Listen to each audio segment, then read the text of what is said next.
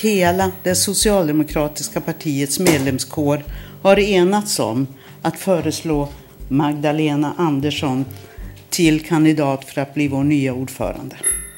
Hon är snart Socialdemokraternas nästa partiordförande. Och jag är såklart väldigt hedrad över att bli föreslagen som partiledare.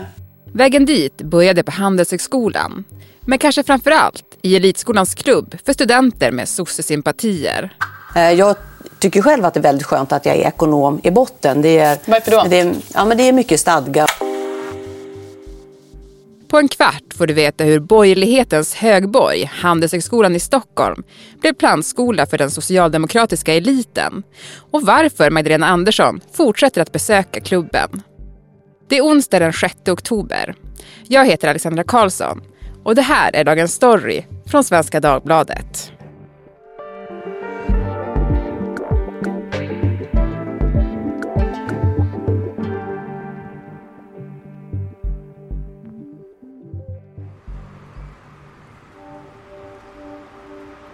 Året var 1987 och en ovanligt kall och regnig sommar gick mot sitt slut. Magdalena Andersson var 20 år gammal när hon stod där framför portarna i massiv ek på Sveavägen 65 i centrala Stockholm. Lite längre ner låg 68, Socialdemokraternas högkvarter. Hon var redan med i partiet, aktiv i ungdomsförbundet SSU. Hon öppnade den tunga ekporten och gick upp för stentrappan. Hon fortsatte genom korridoren, klev in i aulan. Genom fönstren syntes träden vaja i Tegnérlunden. När rektor Staffan Burestam Linder, tidigare moderat minister, äntrade scenen tystnade solet. Han synade nykomlingarna innan han tog till orda. Ni som sitter här är crème de la crème. Ni är säkert vana vid att vara stjärnor och bäst i klassen på gymnasiet hemma i Säffle och Linköping.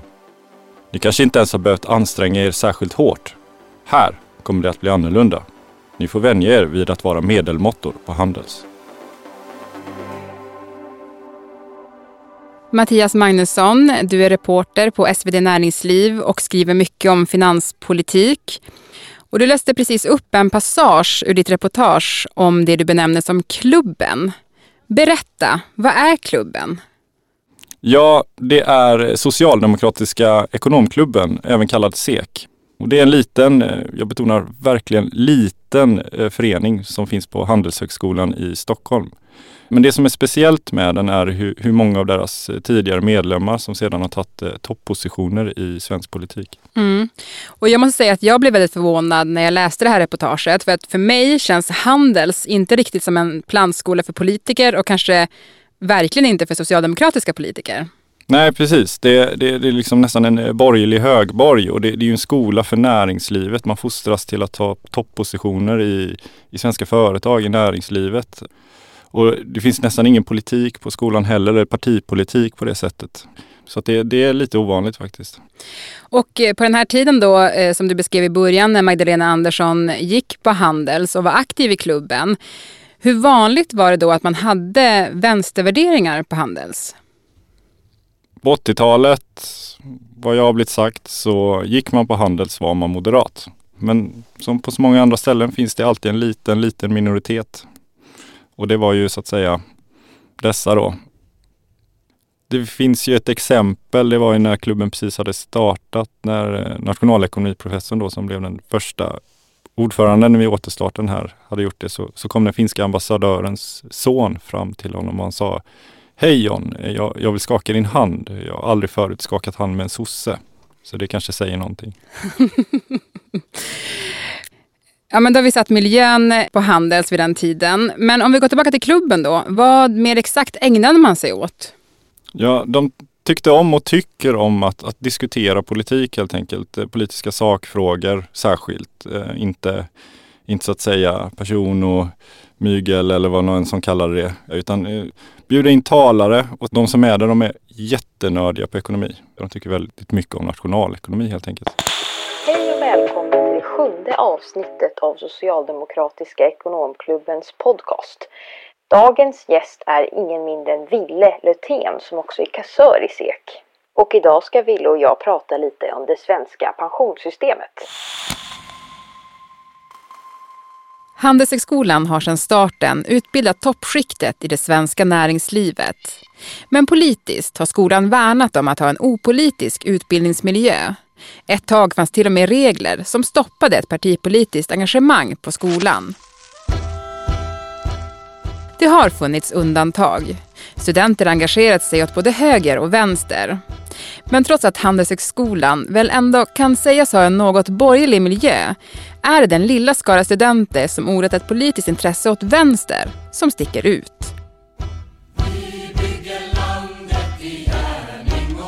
De har tillhört klubben. SEK som de själva kallar den. Socialdemokratiska ekonomklubben. Det finns ingen formell medlemsförteckning. Inte heller någon nedskriven historia. Och hur allt startade finns olika bilder av. Men en sak vet man med säkerhet. Att flera av medlemmarna i klubben har nått den politiska eliten.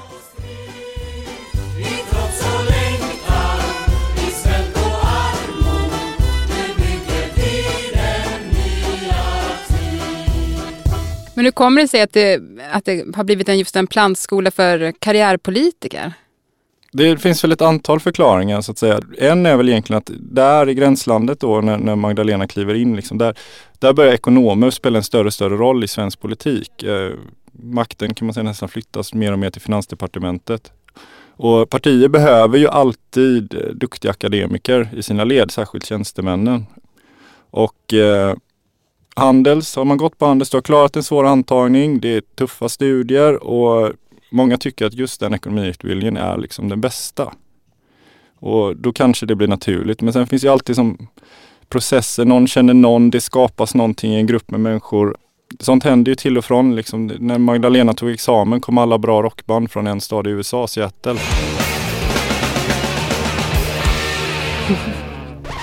Det kan också vara tillfälligheter menar du? Ja, men det, det händer ibland. Många lyfter andra och det blir så. Men vilka kända politiker har fostrats i klubben då?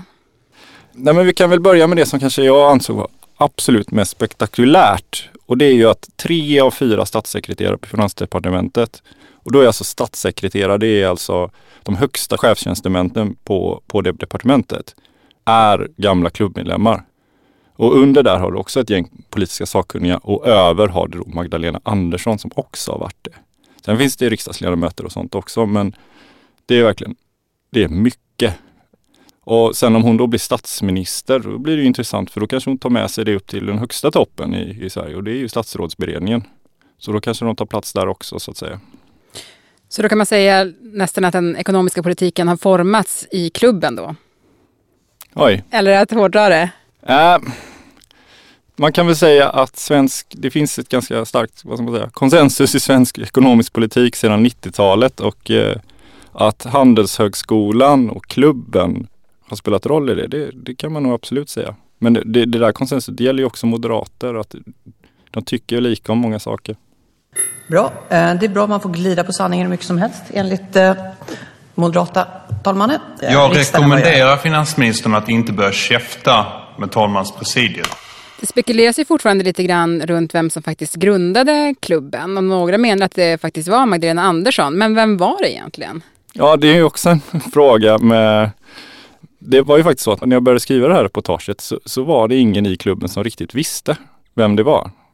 Men eh, man kan väl säga att ja, det kan vara Erik Åsbrink som eh, var med och startade en klubb eh, i slutet av 60-talet. Den lades ner.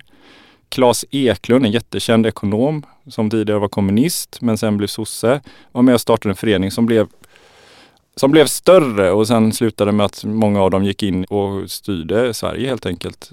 Den tonade också bort, men den senaste upplagan startades av eh, just John Hassler då och eh, två andra personer och det, det är den senaste som startat där.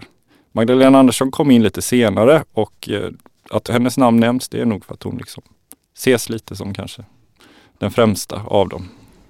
Hon var också, vad hade hon för roll i klubben? Hon var ordförande eller?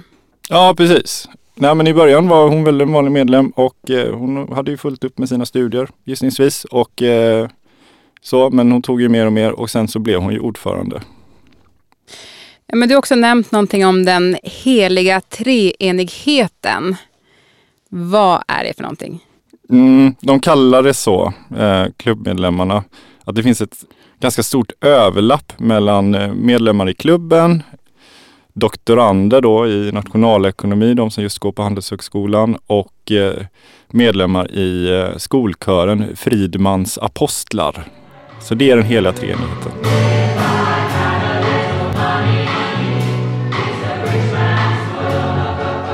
Och eh, detta speglar sig lite vad de håller på med i klubben. De sjunger sånger. Eh, jag har fått, nu fått höra att de, sånghäftet är 25 sidor långt. Eh, de nördar ner sig i ekonomiska frågor, bjuder in ganska speciella talare som pratar om väldigt så här, tekniska saker i nationalekonomi.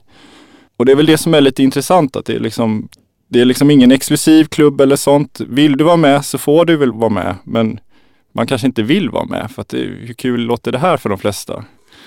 Och sen råkar det bara vara så att de har nördat ner sig på någonting som är jätteviktigt för att eh, styra Sverige som land. På tal om sånger ska jag säga att vi kollade om det gick att få ut den här SEK-hymnen som vi ju vet finns.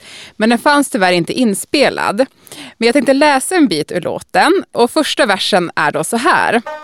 Handelshögskolan i Stockholm är den unga vänsterns hem. Alla två, tre, fyra medlemmar. Ibland kan vi vara fem. Vi är rödast bland de blå. Det är inte särskilt svårt. Men vi är blåast i studentförbundet vårt. Ja, men eh, hur har det synts i Socialdemokraternas ekonomiska politik att flera framstående socialdemokrater och däribland då Magdalena Andersson faktiskt fostrats på Handels? Mm. Man kan nog sätta fingret på kalla det någon typ av eh, handelsrealism så att säga. Det är om du ställer det mot en mer vänsteridealism. Att Magdalena Andersson hon har nog i åsikterna varit väldigt fast så att säga. Hon är, hon är faktiskt väldigt vänster mer än många tror. Men hon är också så väldigt eh, betongsossig, realistisk. Nej, vi måste kolla på siffrorna. Den typen av tänkande, det sättet att vara på, det, det verkar spegla väldigt mycket så att säga hur det är. Det här spara i ladorna. Tack vare att vi såg till att spara i ladorna. Och sparat i ladorna. Steg för steg kommer vi att fylla på ladorna. Är det Handels? Det är Det är Handels, men ja, det är också ganska mycket hennes erfarenheter på 90-talet. Men det är ju en hel generation med politiker som, som har egentligen gått Handels och sen varit med under 90-talet. Inom politiken i till exempel Storbritannien och Frankrike finns det vissa utbildningar man nästan måste ha gått för att nå den politiska toppen. Och på de universiteten finns också rätt ökända klubbar. Bland annat Bullington Club, en exklusiv herrklubb på prestigeuniversitetet Oxford som gör sig kända för både ritualer och svineri. Bland tidigare medlemmar finns både David Cameron och Boris Johnson. Arrogance and toffishness and twittishness I suppose. But you know, it was great fun at the time. En annan är den exklusiva Yale-klubben Skull and Bones, där både den äldre och yngre president Bush och John Kerry varit medlemmar. SEK är ju så otroligt annorlunda här. På samma sätt som Handels är annorlunda ifall det är ett svenskt elituniversitet så är ju SEK så annorlunda för att det är ju det är ett gäng glada ekonominördar som sjunger sånger och diskuterar. Det är lite eh, harm, eh, harmlösare. Det kan man väl lugnt säga. Mm. Men du, eh, som jag förstår det så har ju Magdalena Andersson fortfarande nära band till klubben.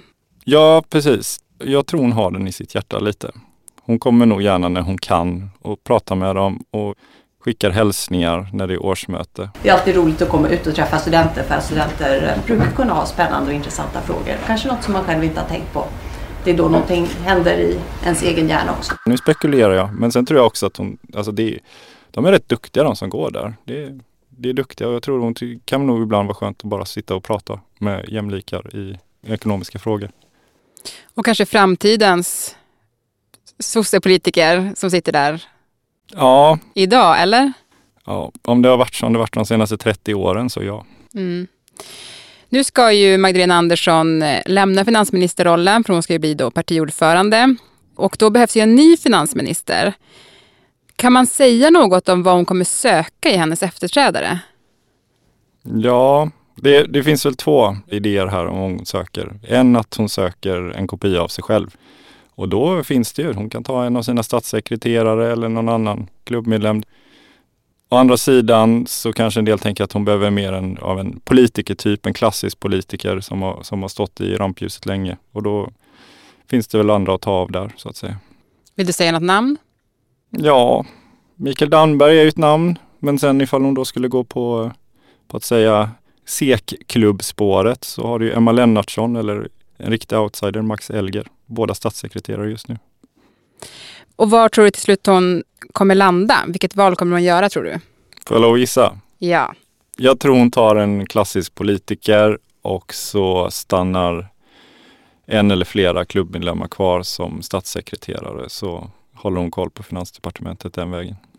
Klubben kommer finnas representerade även fortsättningsvis. Ja. Du till sist, du intervjuar i ditt reportage eh, klubbens kassör idag. Han heter Ville Lötén. Eh, och du frågar hur klubbens påverkan på sina medlemmar kan sammanfattas. Och jag tyckte hans svar där var rätt kul, för han säger då vi brukar få in alla som på något sätt är lite vänsterlutande. Men folk brukar sluta som gråsossar. Skulle Magdalena Anderssons resa kunna sammanfattas så, tycker du? Ja, nästan. En eh, idealistisk eh, SSU-are kliver in och kommer ut som en, eh, ja, fortfarande ganska vänster, men eh, mer av en gråsosse, ja. Tack Mattias Magnusson för att du var med i Dagens Story. Tack så mycket. Programmet idag producerades av Daniel Persson Mora. Redaktör var Maria Jelmini. Och jag heter Alexandra Karlsson. Vill du kontakta oss så mejla till dagensstory.svd.se.